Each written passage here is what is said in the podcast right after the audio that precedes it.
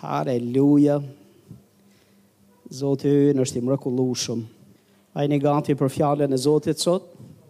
Oh, haleluja. Filipianët kapitulli 4. Filipianët kapitulli 4 vargu 6 deri tek vargu 9. Mos u shqetësoni thotë për asgjë, por në çdo gjë ia parashtroni kërkesat tuaja Perëndisë me anë lutjesh dhe përgjërimesh me falënderim. Dhe paqja e Perëndisë thotë që tejkalon çdo zgjuarsie, do të ruajë zemrat zemrat tuaja dhe mendjet tuaja në Krishtin Jezus. Së fundi, vëllezër, të gjitha gjërat që janë të vërteta, të gjitha gjërat që janë të ndershme, të gjitha gjërat që janë të drejta, të gjitha gjërat që janë të pastra, të gjitha gjërat që janë të dashura, të gjitha gjërat që janë me famë të mirë, nëse ka ndonjë virtyt dhe nëse ka ndonjë lëvdim, këto gjëra, thotë, mendoni. Dhe vargu nëntë thotë, ato gjëra që keni mësuar, marrë dhe dëgjuar nga mua dhe patë në mua, thotë i bëni. Dhe Perëndia i paqes do të jetë me ju. Dikush thotë, dhe Perëndia i paqes do të jetë me mua. Dhe dua t'ia nis nga vargu 9 dhe pastaj do i rikthehem përsëri vargjeve më sipër sepse janë një sërë gjërash të cilat duhet t'i dëgjojmë e t'i dëgjojmë e t'i dëgjojmë derisa të vendoset mekanizmi i të bërit këtyre gjërave në mënyrë që t'i shohim frutin. Sepse më lini t'jua bëj këtë koment që në fillim.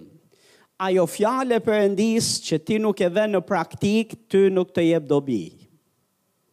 Nuk ka rëndësi sa herë e shef të, të, të praktikohet në jetën e të tjerëve, nuk ka rëndësi se sa bjen dakord mendërisht se sa e vërtetë është ajo gjë, nuk ka rëndësi se sa shumë jau mëson të tjerëve ato gjëra të cilat ti i ke dëgjuar nga fjala e Zotit, në qoftë se ti nuk e praktikon për veten tënde atë fjalë, ajo fjalë nuk ka për të të dhënë dobi.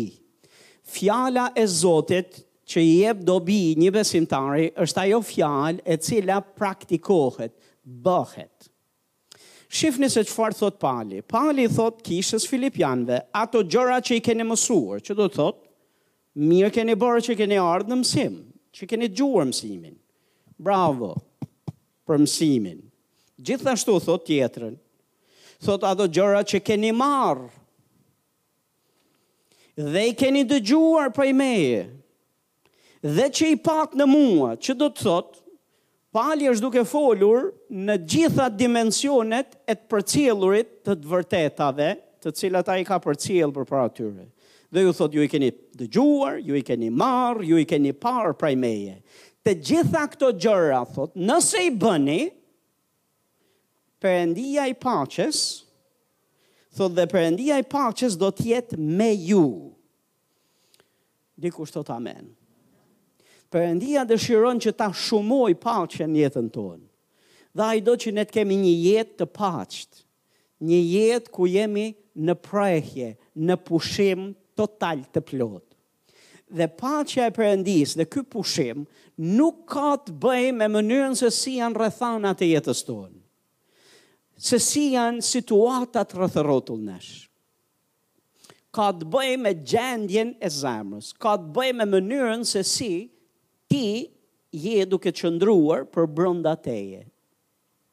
Dhe Perëndia na do që ne të jemi në prehje, në pushim, të jemi të qetë.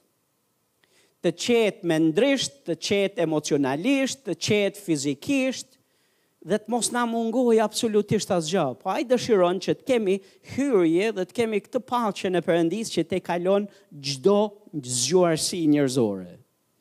Që në ato rrethana dhe situata që nuk ka kuptim që ti ne të jemi të qetë. që ne të jemi të sigurt, që ne të jemi në prehje, në pushim, ne ta kemi këtë prehje dhe pushim. Dhe Perëndia i paqes thotë do të jetë me ju.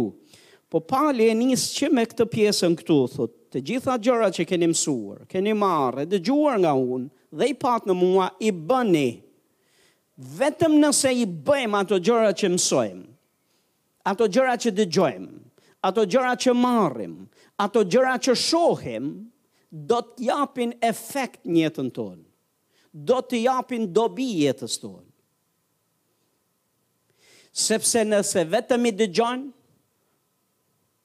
nëse vetëm i shikon, nëse vetëm i ke mësuar, por nuk kanë vendosur në punë mekanizmin e të bërit të atyre gjërave, të praktikuarit të atyre gjërave, në të vërtetë ne nuk do të na japin dobi, ne nuk kemi mësuar vërtet si duhet. Dhe në këtë mënyrë Perëndia i paqes nuk mund të jetë me ne. U, uh, pastor, Perëndia nuk mund të jetë me ne. Perëndia është me ne, pastor. Perëndia është me ne, por nuk të jep dot paqe ty.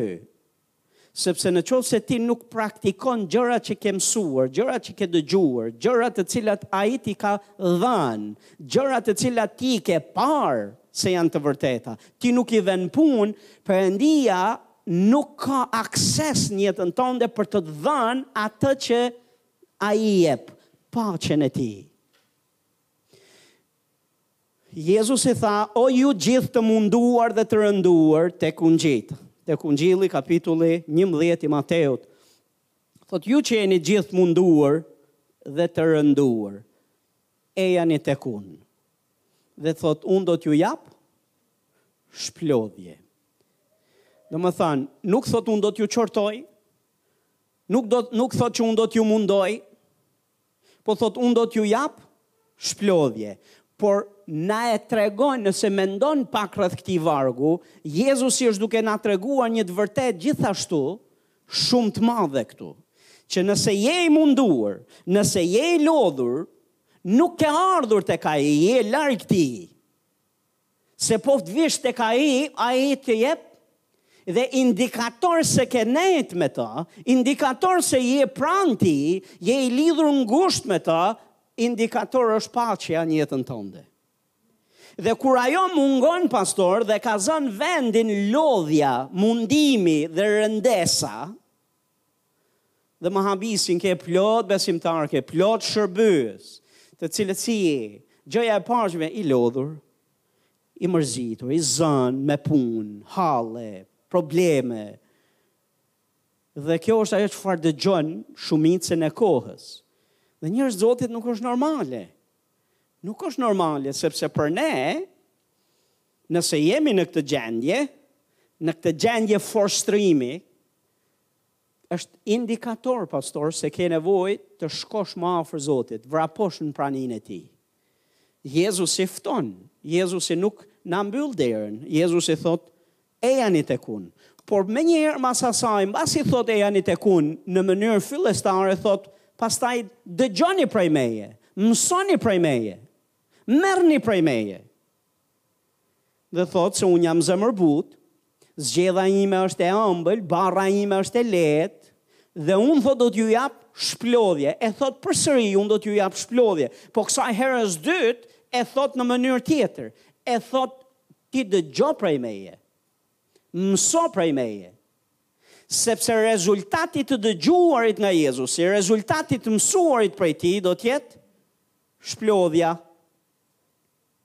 Dhe kur thotë të mësosh dhe të dëgjosh prej meje, Jezusi nuk është duke thënë vetëm të dëgjosh, është duke thënë këtë versionin e Palit, që gjërat që ke dëgjuar, gjërat që ke mësuar prej meje, gjërat që i ke marrë dhe i ke parë tek unë, bëji.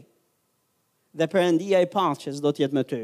Jezusi është duke thënë të njëjtën gjë, nëse ti i dëgjon mësimet e mia dhe i vë ato në praktikë, atëherë do të të japë shplodhje.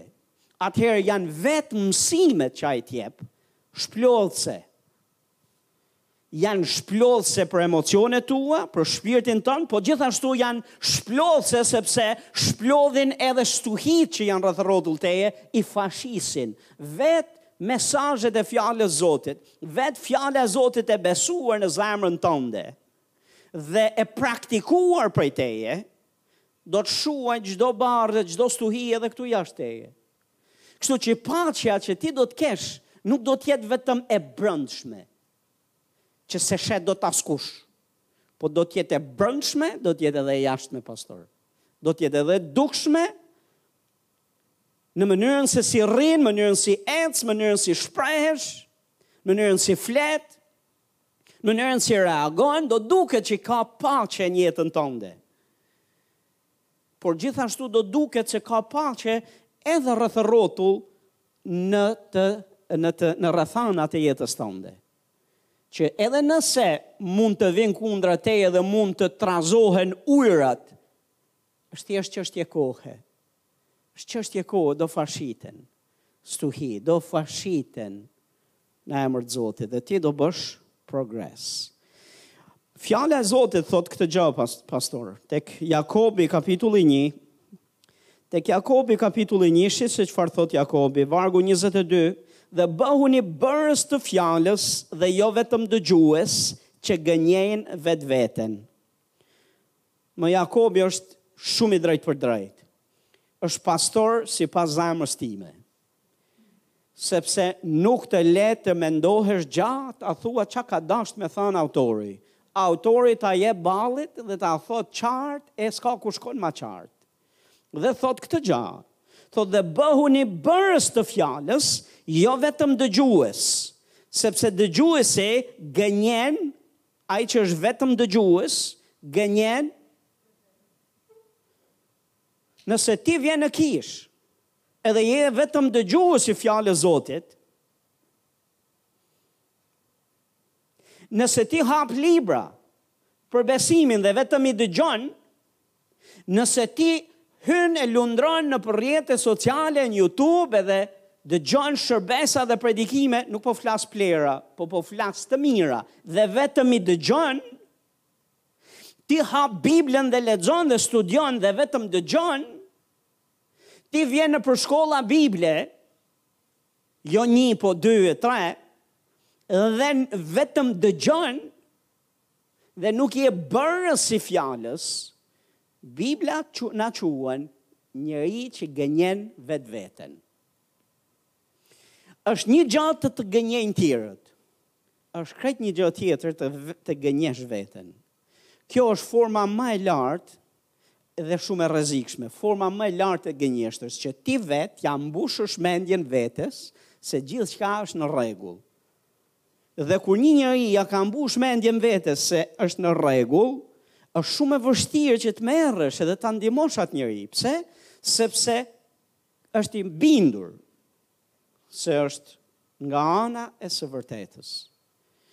Po Jakobi e bën qartë, nëse nuk je praktikues i fjalës, atëherë je vetëm njeri që gënjen vetveten.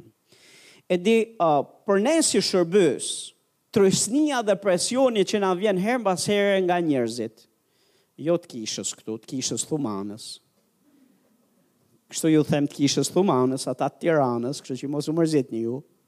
Thjesht që mos ju mbes merak ju, e kam me ata atje. Dhe kur na mërziten ata dhe ju këtu, kalojmë nëpër jashtë mureve të kishës.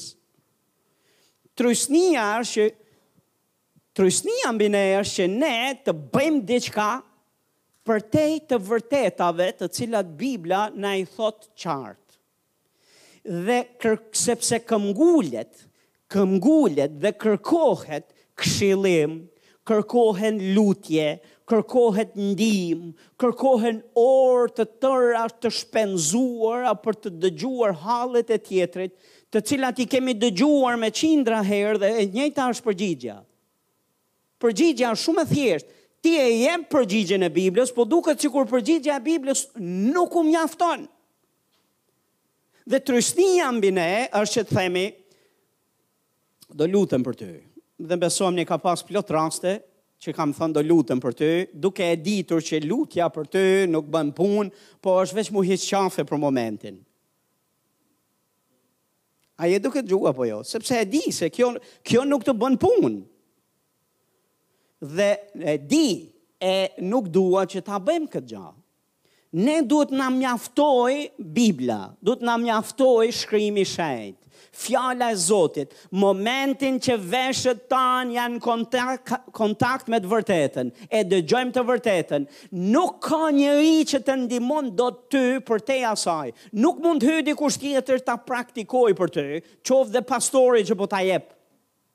Dhe nuk ta zëvendëson dot lutja e pastorëve apo lutja e gjithë shenjtorëve të trupit Krishtit, përgjegjësinë që ti ke për të praktiku fjalën e Zotit.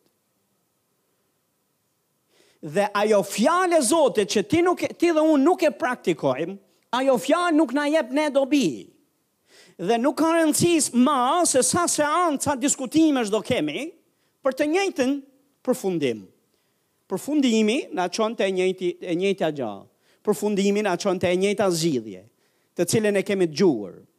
E kemi dëgjuar prap, e kemi dëgjuar prap, por është shumë e çuditshme se si njeriu përpiqet të gjejë bishta dhe të gjejë rrugë zgjidhje dhe rrugëdalje tjera përveçse te gjaja ma e thjeshtë. Praktiko gjanë që dëgjove, gjanë që more, gjanë që mësove, gjanë që pe, se është e vërtetë, se është e shkruar në fjalën e Zotit. Njerëz Zotit ne duhet bëhemi të thjeshtë, të thjeshtë, ndaj të vërtetës të Zotit, dhe të jemi të, të shpejtë për t'iu bindur asaj të vërtete. A jeni këtu? Këtu thotë Jakobi, sepse nëse dikush thotë është dëgjues i fjalës dhe jo bërës, ai përngjan një njeriu të pashëm, që e ka parë veten e tij në fytyrë, në, në thotë fytyrën e tij natyrale në një pasqyrë. thotë ai e shikon veten dhe pastaj ikën duke harruar menjëherë se si ishte. Dëgjuesi harraq? Mm, është i ngjan dikujt, thot. Dikujt që e shikon fytyrën e vet natyrale në pasqyrë dhe thot e sheh se si është për mirë a për keq, nëse është keq, bën ndryshim, ka mundësinë me bën ndryshimet.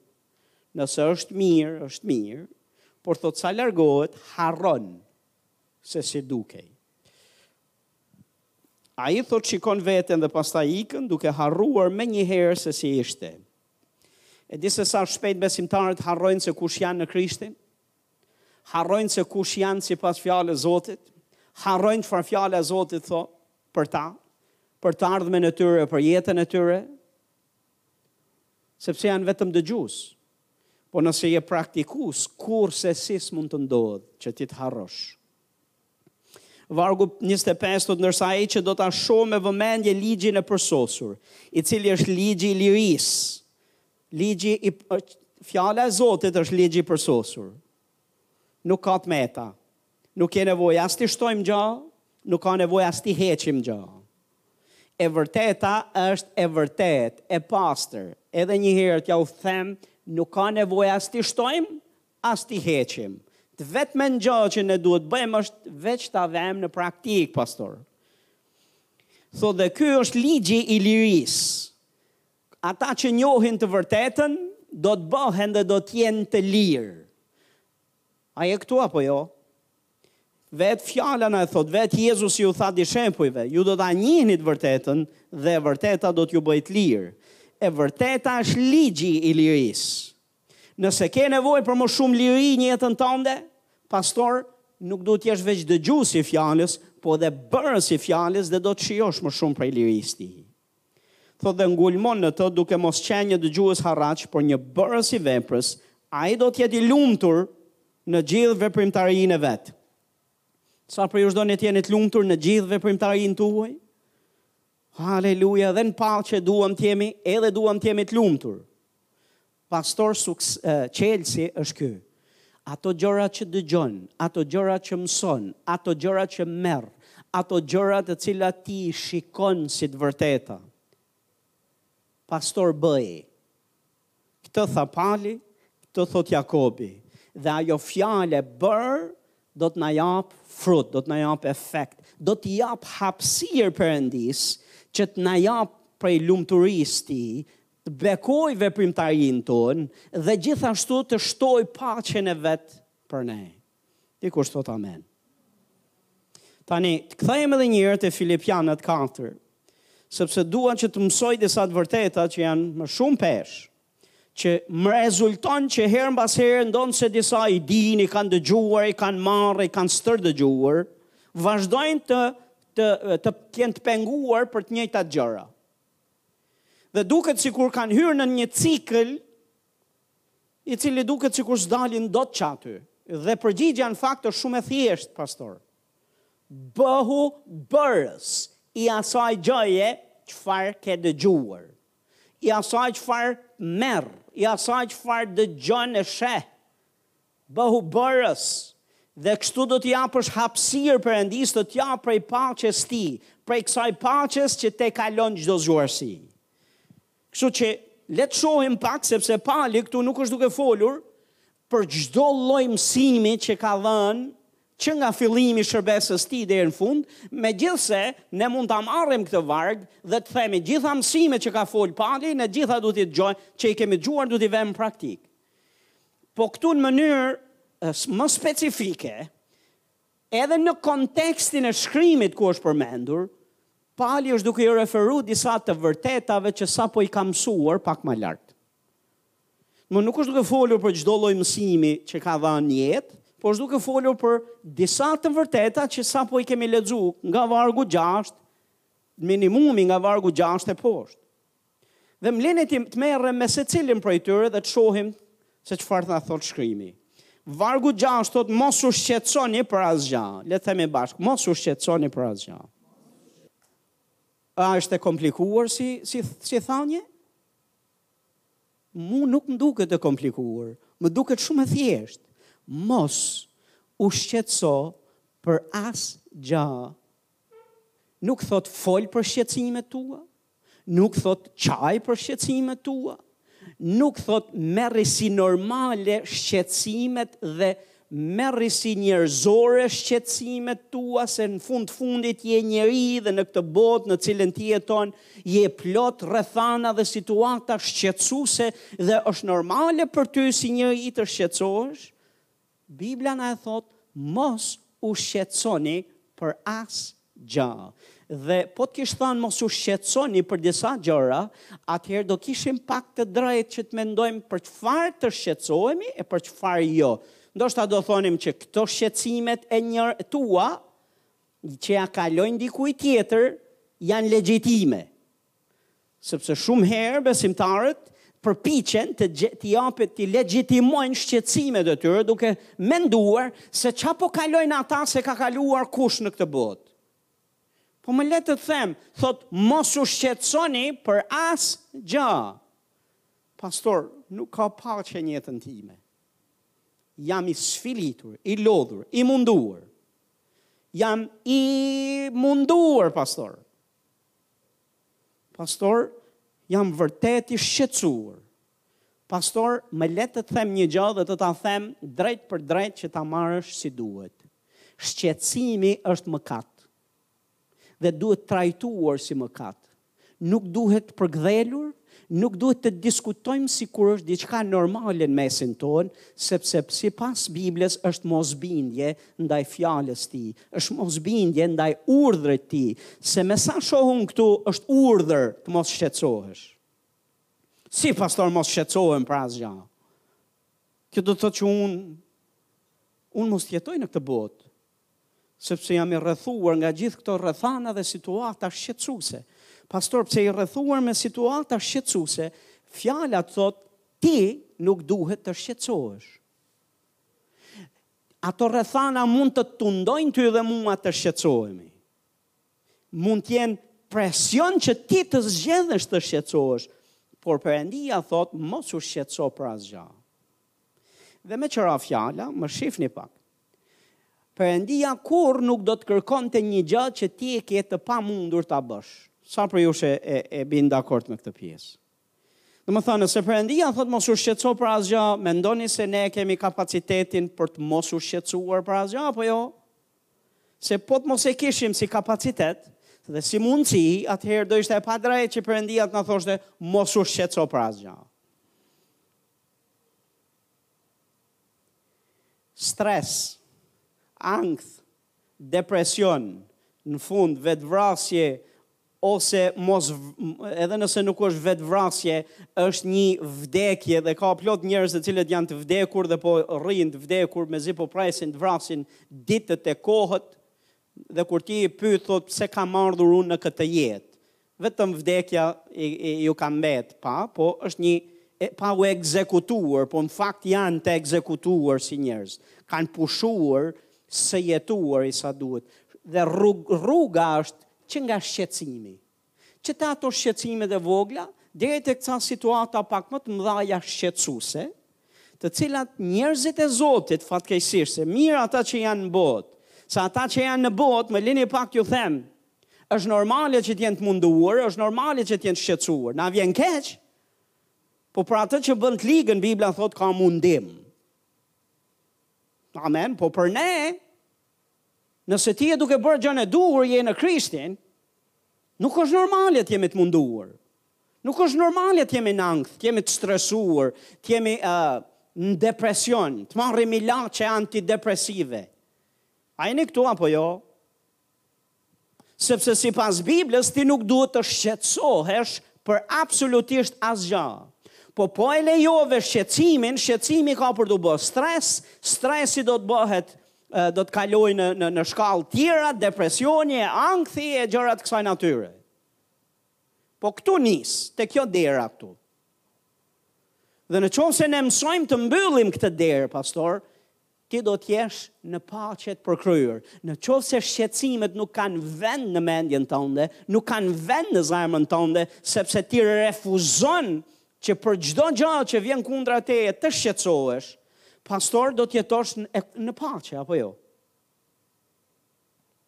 Njerëzit që nuk kanë shqetësime, pastor janë paqe. Dhe Zoti na ka thirrur të jemi në paqe. Është e mundur. Pastor, dua që të ulemi të flasim nja 3 orë se sa i shqetësuar jam, se sa i munduar jam, se çfarë është duke më ndodhur mua. Okej, okay, dëgjuam 3 orë. Çfarë do të thuash, pastor? Cila është këshilla jote? Mos u shqetëso për asgjë. Pastor, jo, pastor, kjo përgjigje. Duhet një përgjigje tjetër. Pastor, mos u shqetëso për asgjë. Pastor, jo, pastor. Të lutem se ke nevojë të kuptosh pak gjendjen në cilën jam, rrethanat në cilën jam, kushtet në cilat ndodhem. Ti do të kuptosh dinamikat e gjërave që janë duke Çfarë do më thuash, pastor? Pastor, do të të them, për asgjë, meqë s'do që ta them ashtu, që mos u shqetëso për asgjë, do ta them ndryshe, për asgjë mos u shqetëso. Po nuk kemi këshillë tjetër, pastor, përveç kësaj, sepse kjo është një këshillë e Perëndisë apo jo. Dhe nëse ti do që Me gjithë gënjeshtrën që ti i përpiqesh t'ja injektosh vetes, të bëhemi edhe ne fajtorë me ty, të ta injektojmë edhe ne, pastor nuk mundemi. E, e vërteta na bën të lirë. Dhe kjo është e vërteta. Mos u shqetëso për asgjë. Dhe kur vini për të thënë se ça të shqetëson ty, me kur flisni me njëri-tjetrin, kur flisni me pastorët, kur flisni me këdo që të flisni edhe me jobesimtarët se disa, disa, më lini pak tu, disa kanë mësuar gjuhën e kishës dhe kanë mësuar marifete Kanë një tjetër ftyrë në kishë, një tjetër ftyrë me njerëzit e Zotit, një tjetër ftyrë me jobesimtarët. Një tjetër ftyrë atje jashtë. Ne duhet të jemi të njëjtë, si këtu si atje apo jo. Ne kemi një përgjigje tjetër kishe, po kemi një përgjigje tjetër për ata që janë atje jashtë. Këtu bëjmë sikur s'jemi të shqetsuar, kurse sa jemi në kontakt me ata atje jashtë, kemi tjetër shprehje, kemi tjera, tjerë, tjetër pamje. Dhe ne duhet të jemi të pashqetsuar, pastor. Branda dhe jashtë kishe. Mos u shqetso, thot fjala, për absolutisht asgja. Dhe thash, në bisedat tona, në kish apo jashtë kishe, në momentin që ne shprehim shqetsim dhe jemi duke pron, pronësuar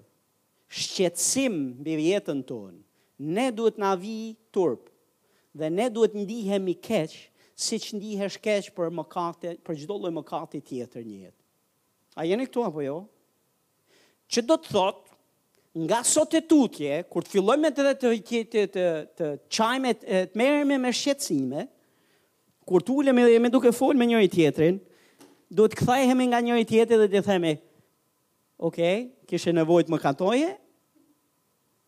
Do që të përfshihem edhe unë me ty, të mëkatoj si ti? Apo je i interesuar për të vërtetën? Sa prej jush jeni të interesuar për të vërtetën? Dhe sa prej jush jeni të interesuar për lirinë? Jo keqardhje njeriu, po lirinë. dhe Perëndia na do të lirë. Ai thotë mos u shqetëso për asgjë. Tani, si mos shqetësohem o pastor se sfidat, hallet, nevojat në cilat ndodhem janë vërtet tundim i madh për t'u shqetsuar. Kush do të m'i zgjidhë hallet, shqetsimet dhe sfidat me cilat po përballem? Kjo është pyetje me vend. Kjo është pyetje me vend. Këto t'i zgjidh Perëndia yt. Dhe hapi zgjidhja për ne është mos u shqetëso për asgjë, po mos e le veç me aq se nuk tha veç lëre këtu, por thotë parashtroja kërkesat tua Perëndisë me lutje me anë lutjesh dhe përgjërimesh me falenderim. Çfarë thotë? në kushte kur je i tunduar për t'u shqetësuar. Në vend që të shkosh e të qash e të zmadhosh shqetësimet dhe hallet tua, shko tek burimi i zgjidhjes, shko tek Perëndia në lutje. Pastor, a mund të shkosh ti në lutje për mua? Pastor, ju kam shkruar të gjithëve në kishë që ata të luten dhe të ndërmjetësojnë për mua. sepse unë jam duke kaluar një situatë të vështirë. Jau kam thanë dhe do jau them e do jau rri përsëri së përsëri, sepse kemi nevojë të rritemi. Tani për sa kohë jemi foshnja, foshnja dhe fëmija i vogël, uh, në kushte të tilla Edhe mund t'i hahen dhe kalohen disa gjëra, po me kalimin e kohës nuk hahen ma ca gjëra. Dhe në qoftë se ti nuk po shkon vetë të lutesh, po do që të tjerët të luten për ty, po ti do që pastorët të shkojnë në lutje për ty, thashë për sa kohë je foshnjë në besim, besom funksionon. Dhe po nuk ju kërkove ti ndihmë që ata të luten për ty, besomni, për shkak se ti je foshnje në besim, Perëndia do t'i mbajë përgjegjës dhe do t'i nxisë ata që të luten për ty. Por do të vijë një shkallë, do të vijë një moment ku nuk do të funksionojnë më lutjet e tyre. As të asnjërit prej tyre Për sa kohë nuk bën ti hapin e lutjes? Sepse ky shkrimi këtu thotë ti mos u shqetëso për asgjë, ë? Ky shkrimi thotë ti lutu, përgjërohu dhe falendero Zotin. Kush duhet ta bëjë këtë? Ti apo? Pastor të lutem, çfarë më këshillon? Po pastor, shko lutu, përgjërohu, falendero. Lutu, përgjërohu, falendero. Më lini t'ju them një gjë e cila më bën shumë përshtypje mua, si pastor. Më bën përshtypje, nuk e di a ju bën ju apo jo, po mua më bën përshtypje. Shumë herë ju them, i them kishës, jo këtu, po në Thumanë, le të dalim përpara dhe le t'i japim Zotit lavdi, ta nderojmë dhe ta bekojmë emrin e Zotit. Jo më larg se sa kur ishte kësaj shtune, Thashë le të dalim këtu dhe nëse dikush do të ulet në gjunjë, le të ulet, nëse dikush do të kërcej, le të kërcej, nëse dikush do të këndojë, të këndojë, nëse dikush do të qaj, të qaj, nëse dikush, thjesht po jap ca sugjerime që ne mund të jemi pak aktiv në falenderimin dhe lavdrimin që duhet t'ja japim Zotit. Dhe mua më bën përshtypje se shumë herë kur ne themi këto gjëra, çfarë kisha nënkupton është pastori tani do të kërcej për ne. Pastori tani do ngrej duar, do gjunjëzohet, do të ngrej zërin, do të lavdroj Zotin dhe ne do ta ndjekim dhe do themi në fund amen. Pastor nuk, e, nuk, nuk ishte kjo. dhe më vjen shumë keq, po vetëm kjo që s'pashë këtu. Këto gjërat këtu nuk i pashë. A ishte Zoti këtu po. Dhe besomëni t'ju them një gjë, më lini t'ju them një gjë. Se Perëndia është duke na mësuar dhe do që të hyjmë në të thellat e tij. Por në të thellat e tij nuk hyhet pa pagu çmimin, pastor. Ne, sa prej jush doni befas, ju pëlqeju a ju thonë një befas qielli do të vijë mbi ty. Sa prej jush e pëlqejnë këtë pjesë? O, oh, me vërtet? Po atë pjesën që duhet të lutesh ti dhe duhet të lavdërosh ti. O, pastor, po, ti nuk e di se ça po kaloj. Pastor, çfarë kaloi Pali dhe Sila? Në krahasim me ty, është më... Pastor, po, bëje ti, pastor. Pastor. Se në fakt është edhe një unë po praktikoj, është një varg në Bibël që thot rri në heshtje para Zotit. Pastor, kur shërbyesi i Zotit thot mos rri në heshtje, të lutem mos rri në heshtje. Kur shërbyesi i Zotit thot rri në heshtje, rri në heshtje. Kur shërbyesi i Zotit thot mos u lut, mos u lut. Kur të thotë lutu, lutu. Kur të thotë çohu në kam, çohu në kam. Kur të thotë ngreji duart lart, të lutem ngreji duart lart. Kur të thotë dil përpara, dil përpara. Kur të thotë hec edhe një hap, hec edhe një hap. Dhe mëso bindjen pastor, sepse në këto gjëra të vogla të cilat duken, këto gjëra këtu flasin shumë para Perëndisë. Sa i vëmendshëm dhe sa shumë përulësi ke në zemrën tënde dhe sa shumë beson në drejtimin që Zoti është duke dhënë nga platforma. Në qoftë se shërbyesi i Zotit kushdo qoftë këtu, është duke dhënë një direktivë dhe një drejtim dhe ti je komplet në një drejtim tëndin personal, pastor diçka nuk shkon. Në qoftë se pastori është duke folur e mësuar fjalën e Zotit këtu, Dhe ti ke hapur Biblën dhe po bën studim Bible personal në je ulur atje dhe ke hapur Biblën në ca vargje të cilat ti beson se Zoti është duke të folur ty në këtë takim. Pastor diçka nuk shkon pastor. Sepse kjo është një moment ku Zoti është duke folur në këtë mënyrë, nëse nëse ke nevojë për kohën tënde personale me Zotin, të lutem, ke gjithë kohën më vonë. Po kanë shumë, ka shumë rëndësi ndjekja e instruktimeve, e gjërave që thuhen, pastor. Bëj me besim, pastor. Hidhe hapin e besimit, pastor, dhe duke hedh hapin e besimit, jam i sigurt që nuk e ndjeu as Pali as Sila për të ngrit duart e për të lavdru Zotin, nëse mund t'i ngrenin duart me që ra fjala. Po zërin, thotë Bibla, e ngritën. Se nuk ishin pranga në gojë. Me sa kam vënë re unë, as ne s'kemi. Asnjë prej nesh nuk ka pranga në gojë, i japim Zotit lavdinë dhe i japim Zotit nder. Amen.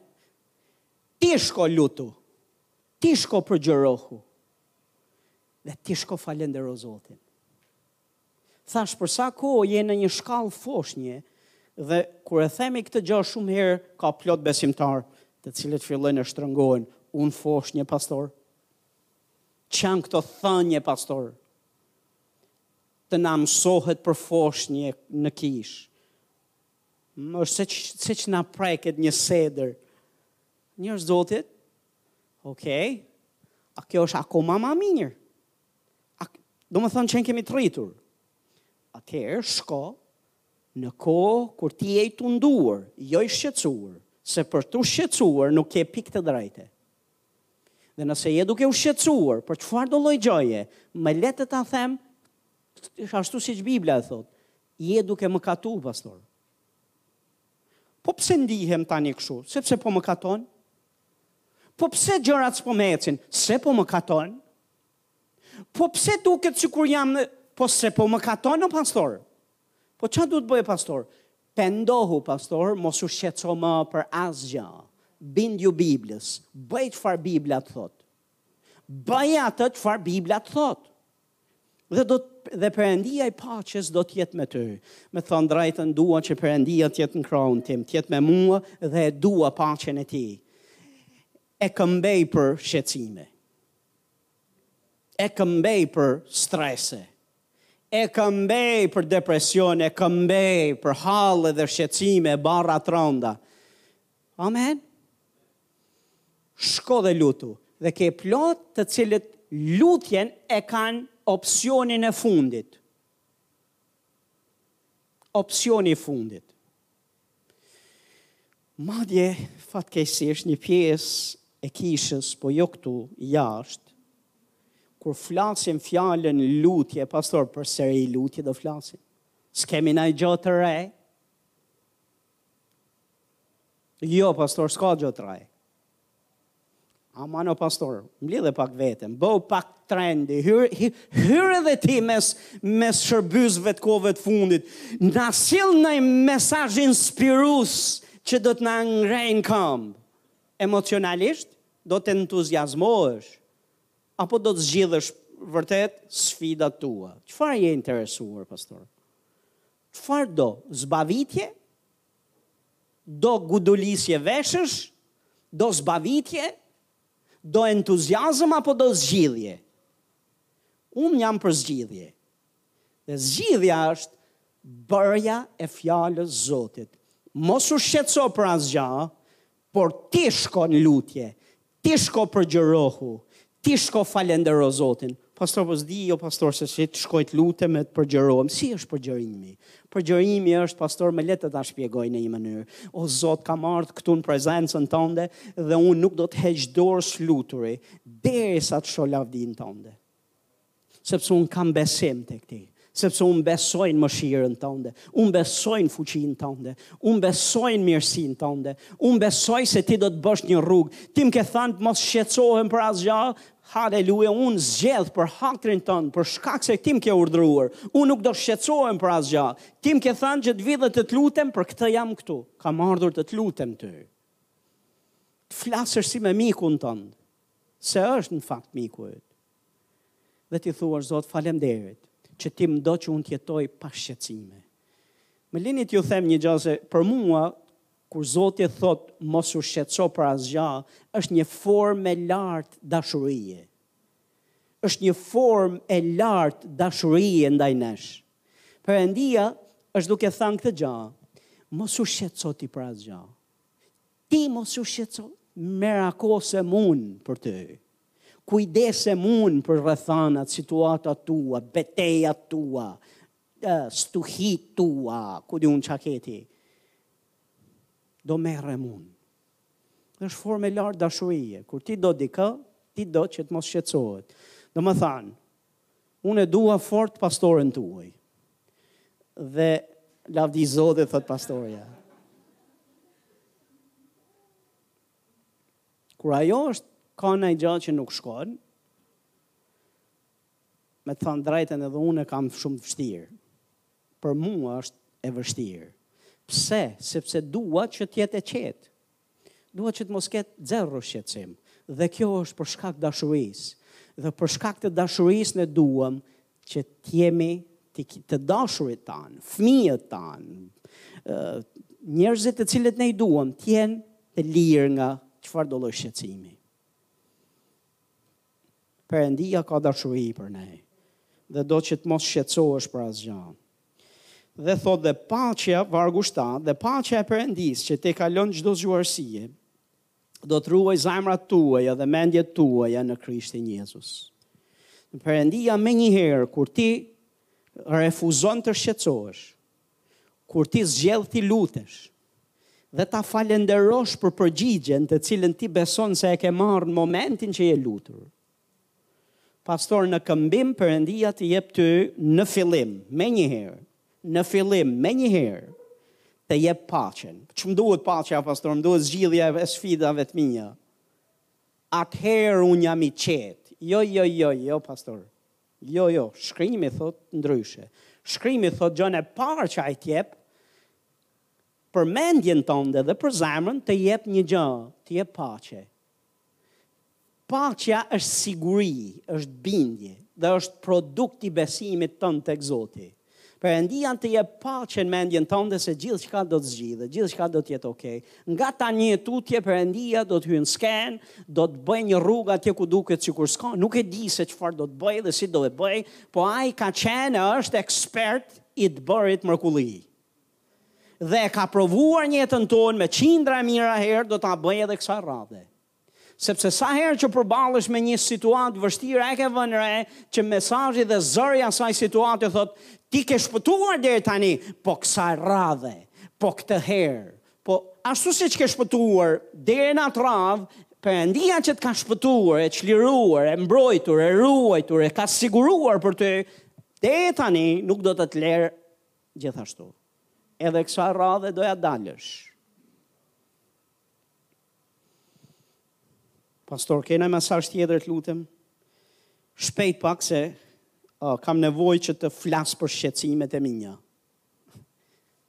Okej, okay, pastor, edhe sa kohë, edhe sa kohë do rrish te këmbët e këtij mali, edhe sa kohë Do do ta përkdhelësh këtë lloj mëkati?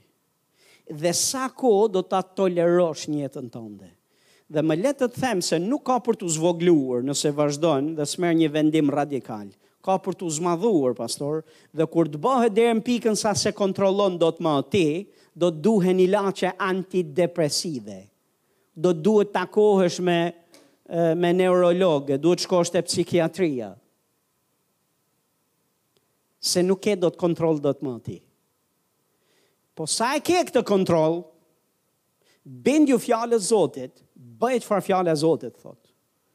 Dhe Perëndia i paqës, se për këtë po flet Pali, në qoftë se ju do bëni këto mësime, jo çdo mësim, po këto mësime, thotë ju Perëndia i paqës do të jetë me ju, do t'japë paqe për mendjen dhe zemrën tënde. Dhe mendja dhe zemra jote do të ruhet në Krishtin, do jetë e ruajtur, do të jetë e mbrojtur, do të jetë e sigurt dhe mendja dhe zemra. Dhe këtu unë ju kam folur disa herë, por këtu flitet jo për çdo lloj situate që shqetëson besimtarin. Se ke besimtarë që janë të shqetësuar për gjëra të cilat s'kanë arsye me u shqetësu, se edhe jo besimtarët nuk shqetësohen për ato gjëra. Po këtu e ka fjalën për shqetësime të cilat kanë kapacitet të të ikë mendja e të të lëshojë zemra. Vërtet, situata reale vërtet me me peshë sa po nuk ndërhyri perëndia njeriu s'ndihmon dot dhe po nuk ndërhyri perëndia Ka marrë fund gjithçka. Dhe këtu, thotë Zoti, për këtë lloj situate, Ai do të japë ty paqe, edhe nuk t'jep veç paqe, po ka për të ndërhy, është më tepër, a e di si është kjo, është, është duke të thënë, ok, ti merr paqen time, ti hyn në prehje, ti pusho, ti rri këtu nën strehën time, më le mua se merrem unë me këtë situatë. A jeni këtu apo jo? Më le mua të hy, më le mua të ndërhy, se e zgjidh unë. Vargu 8, thotë, së fundi, dhe kur thotë së fundi.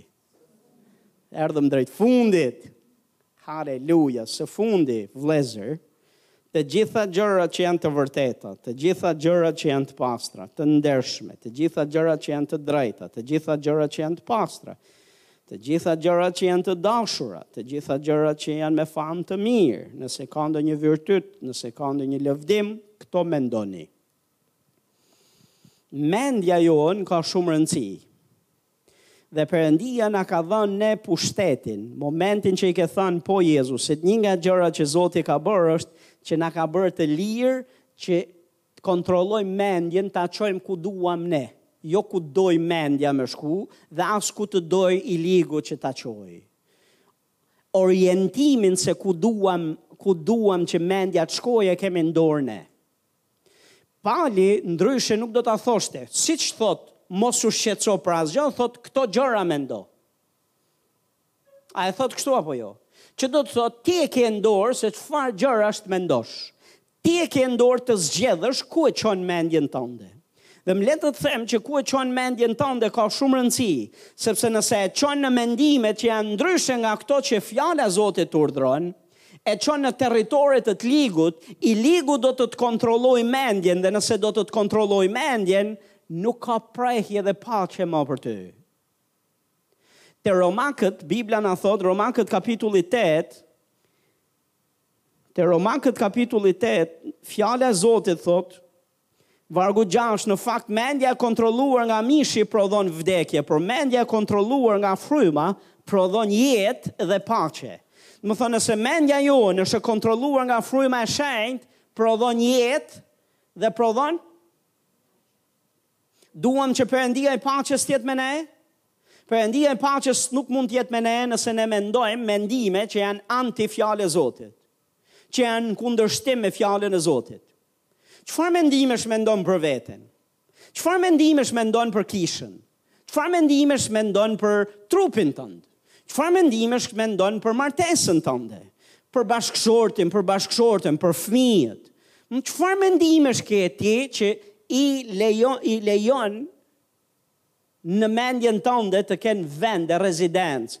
Çfarë mendimesh mendon ti? Nëse nuk janë të ndershme, të pastra, me virtyt, me famë të mirë, të dashura, të vërteta, të shenjta, sipas fjalës Zotit, nuk duhet t'i mendosh. Ti je ai që zgjedh ça mendon dhe ça s'mendon.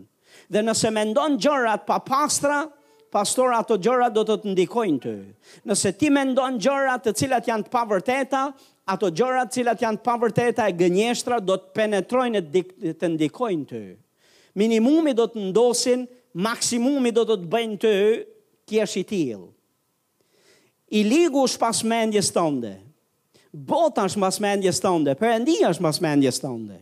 Dhe së fundmi thotë Pali, nëse do që Perëndia i paqes të jetë me ty, këto gjëra mendo. Këto gjëra mendo.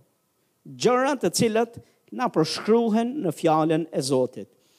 Romakët dymbëdhjetë vargu dy thotë dhe mos u konformoni me këtë botë, por transformohuni me anë të ripërtrirjes së mendjes tuaj, që të provoni cili është i miri, i pëlqyeri dhe i përsosuri vullnet i Perëndisë. Haleluja! Ky është një varg shumë i fuqishëm. Fillimisht thotë mos u konformoni me këtë botë. Kjo botë, po ta shohësh te fjalën konformim, është një lloj është një lloj uh, ndryshimi që i ndodh dikujt që është nën presion dhe nën trysni.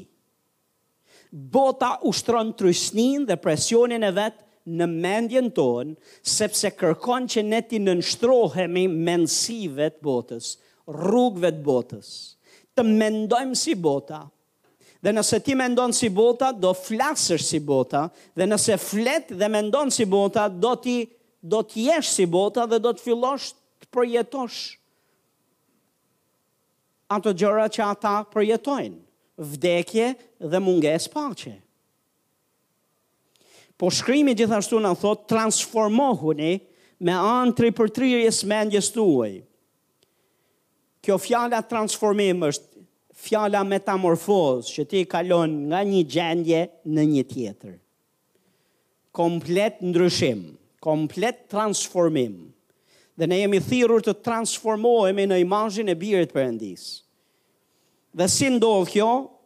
me anë të ripërtrirjes së mendjes. Mendja jonë ka nevojë të ripërtrihet. Dhe kur ti ripërtrin mendjen, kur ti je duke dëgjuar fjalën e Zotit, je duke dëgjuar e medituar në fjalën e Zotit, mendja jote bëhet e re. Dhe po po ripërtrihet, po ripërtrihet, po bëhet e re, e re, e re, e re, po ikin gjërat e vjetra, mendësitë e vjetra, Zakonet e vjetra, këndvështrimet e vjetra, pamjet e vjetra, fshihen, zëvendësohen me të reja, zëvendësohen me të Zotit, zëvendësohen me të frymës Perëndisë. Dhe kështu mendja jote bëhet e re, ripërtrihet mendja. Një mendje e ripërtrirë do të provojë cili është i miri, i pëlqyri, i përsosuri, Vullneti i Perëndisë. Me tjera fjalë, vullneti i Perëndisë mund të njihet, ne si kishë edhe si njerëz të Zotit jemi urdhëruar ta njohim vullnetin e Zotit. Ne duhet ta njohim vullnetin e Zotit, po si? Po nuk ripërtërijmë mendjen, po nuk nënshtruam mendjen tonë këtij procesi ripërtëritje me fjalën e Zotit, nuk do mundemi që të provojmë. Nuk do mundemi ta njohim cili është i miri, i pëlqyeri, i përsosuri, vullnet i Perëndisë. Dhe nuk do të ndodhë ky transformimi për cilin ky shkrim thotë. Kështu që mendja jonë është me shumë peshë.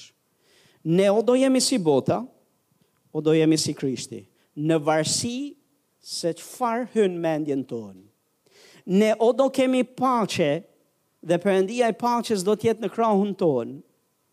O do kemi mungesë paqe, do kemi trazim nga krahu tjetër. Dhe gjithë gjërat e tjera për cilat fola, në varësi se kush kontrollon mendjen. Dhe sipas Biblës, ne jemi ata të cilët zgjedhim se ku ta çojmë mendjen tonë. Ne duhet ta çojmë nga krahu i Zotit, nga krahu i fjalës së tij. Dikush thotë amen. Kjo është e vërteta, pastor. Gjithashtu, po Bibla na flet te Kor e dyta Korintasve kapitulli 10 4 dhe 5, thotë dhe hidhni poshtë çdo mendim që ngrihet kundër njohjes, kundër dëgjesës së Krishtit. Du ta hedhësh poshtë ti, çdo mendim. Dhe më le të të them, nëse një mendim që vjen në mendjen tënde nuk është i pastër, nuk është i shenjtë, nuk është i vërtetë, nuk është i dashur, nuk ka ndonjë virtyt, nuk ka ndonjë famë të mirë, nuk e ka burimin nga Perëndia, nuk është në dakord me natyrën dhe me fjallën e Zotit, Të lutem mos e mendo. Sepse momentin që ti e mendon, ti je duke lënë, ti je duke lënë të ligun të të vjedhë gëzimin dhe paqen e Zotit. Je duke lënë thashë të ligun të të vjedhë paqen e Zotit. Dhe në vend që të kesh paqe ti do jesh i trazuar. Do do kesh mungesë prehje në shpirtin tënd dhe gjërat nuk do të jenë mirë me ty. As emocionalisht, as mendrisht. Pse o pastor? Sepse thjesht pastor e ke çu mendjen te gjërat e gabuara. E di sa sa sa besimtari vuan sepse është kurioz për ta çuar mendjen te gjëra që Bibla thotë mos e ço mendjen. Perëndia na i ka falur mëkatet tona dhe i ka hedhur në liqenin e harresës. Një pjesë e jona vazhdojmë kemi mbetur peng dhe meditojmë për mëkatet që ne kemi bërë, edhe pse i kemi sjellë nën gjakun e Jezusit, edhe pse Jezusi na ka falur, edhe pse Ati na ka falë paudhësitë tona dhe na ka shpallur të pafajshëm, ne vazhdojmë të meditojmë atje. Ç'të duhet ai mendim? Është i dashur, është i paqshëm, është i shenjtë, ka një virtyt të mirë, Më është është ajo çfarë Zoti të kërkon ty ta bësh? Jo pastor, po më erdhi n'mendje dhe e lash mendjen time që të shkoj. Pastor, mos e le mendjen tënde më të të shkoj, se po të shkoj, ty do të të mungoj paqja. Dhe pastaj kur të vish dhe të kërkosh ndihmë për këshill, kjo është këshilla. Çoje mendjen ku Bibla thot. Çoje mendjen te këto gjëra që Bibla thot. Ti zgjedh ktej mendje do shkosh. Mirëpo vin mendime të cilat janë duan dhe të sugjerojnë të shkosh gjetiu.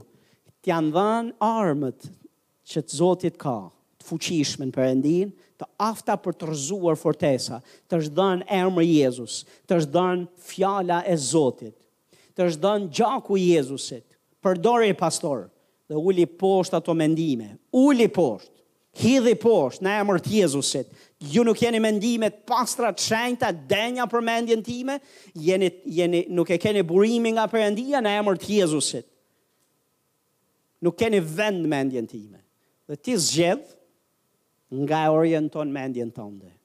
Pastor, këto këshilla të cilat nuk dua të zgjatem më më gjatë, do të do bëjnë që nëse i dëgjon dhe nëse i vë n'praktik dhe i bën, Perëndia e paqes do të jetë me ty. Paqja e Zotit do të ruaj mendjen dhe zemrën tënde.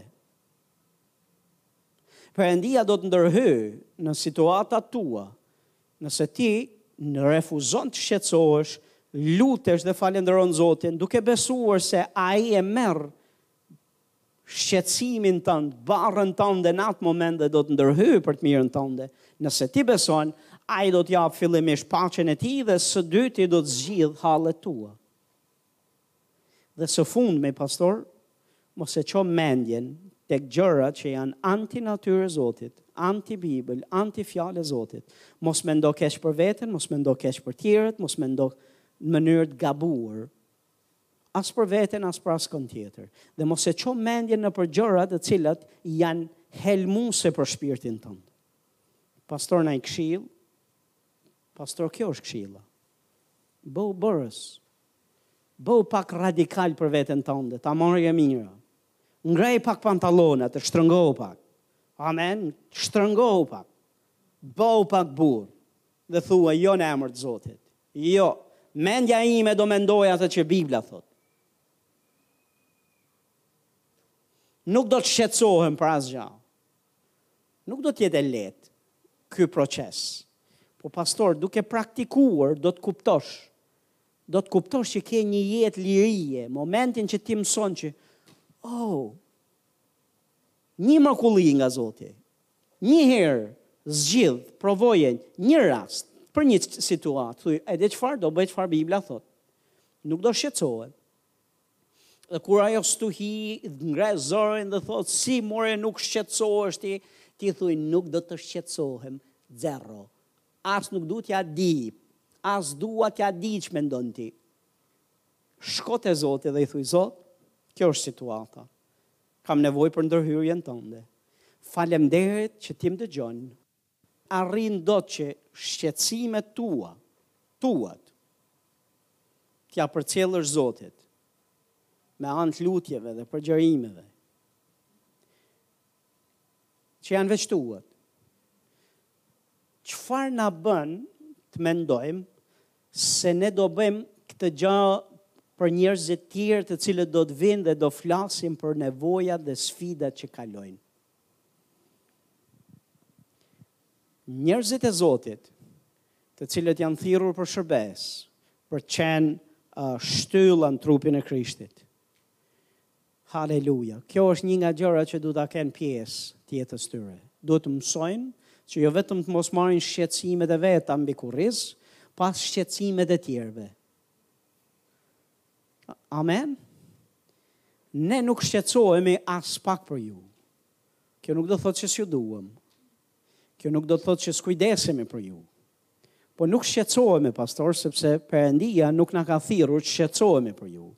Perëndia na ka thirrur që nevojat që ju keni t'i çojmë në lutje dhe të lëmë atë të ndërhyjë.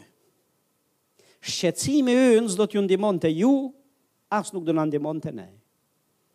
Dhe maturia në Zotin është që ne të mësojmë të jetojmë një jetë të lirë prej shqetësimeve. Dhe të mësojmë që çdo sfidë dhe nevojë që kemi ta përcjellim përmes lutjes, besimit tek Zoti. Dikush thotë amen. Haleluja. Kështu që kjo është një mënyrë, një, një nga gjërat që Perëndia do të ta mësojë ty. Një nga gjërat, mbaje mend, një nga gjërat për udhëheqës në Zotin, për të për të shërbyer sa më sa më shumë njerëzve në kapit, kapacitet më të lartë. Do të thotë që Perëndia do të ta mësojë këtë mësim. Dhe ti do të mësosh jo vetëm për vete më, po dhe për tjerët. Dhe besomni do ketë njerëz të cilët do duan që të hedhin shqetësimet e vet aty. Po ti do të mësosh t'i lësh, e t'ja kalosh. S'ke nevojë të shqetësohesh as për shërbesat e tij, as për punën e Zotit. E mban vetë edhe punën e vet, edhe shërbesat, edhe njerëzit, edhe botën i mban ai vetë. Edhe ty me gjithë to. Haleluja. Ty të do në paqe. Të lirë nga shqetësimet. Oh, haleluja.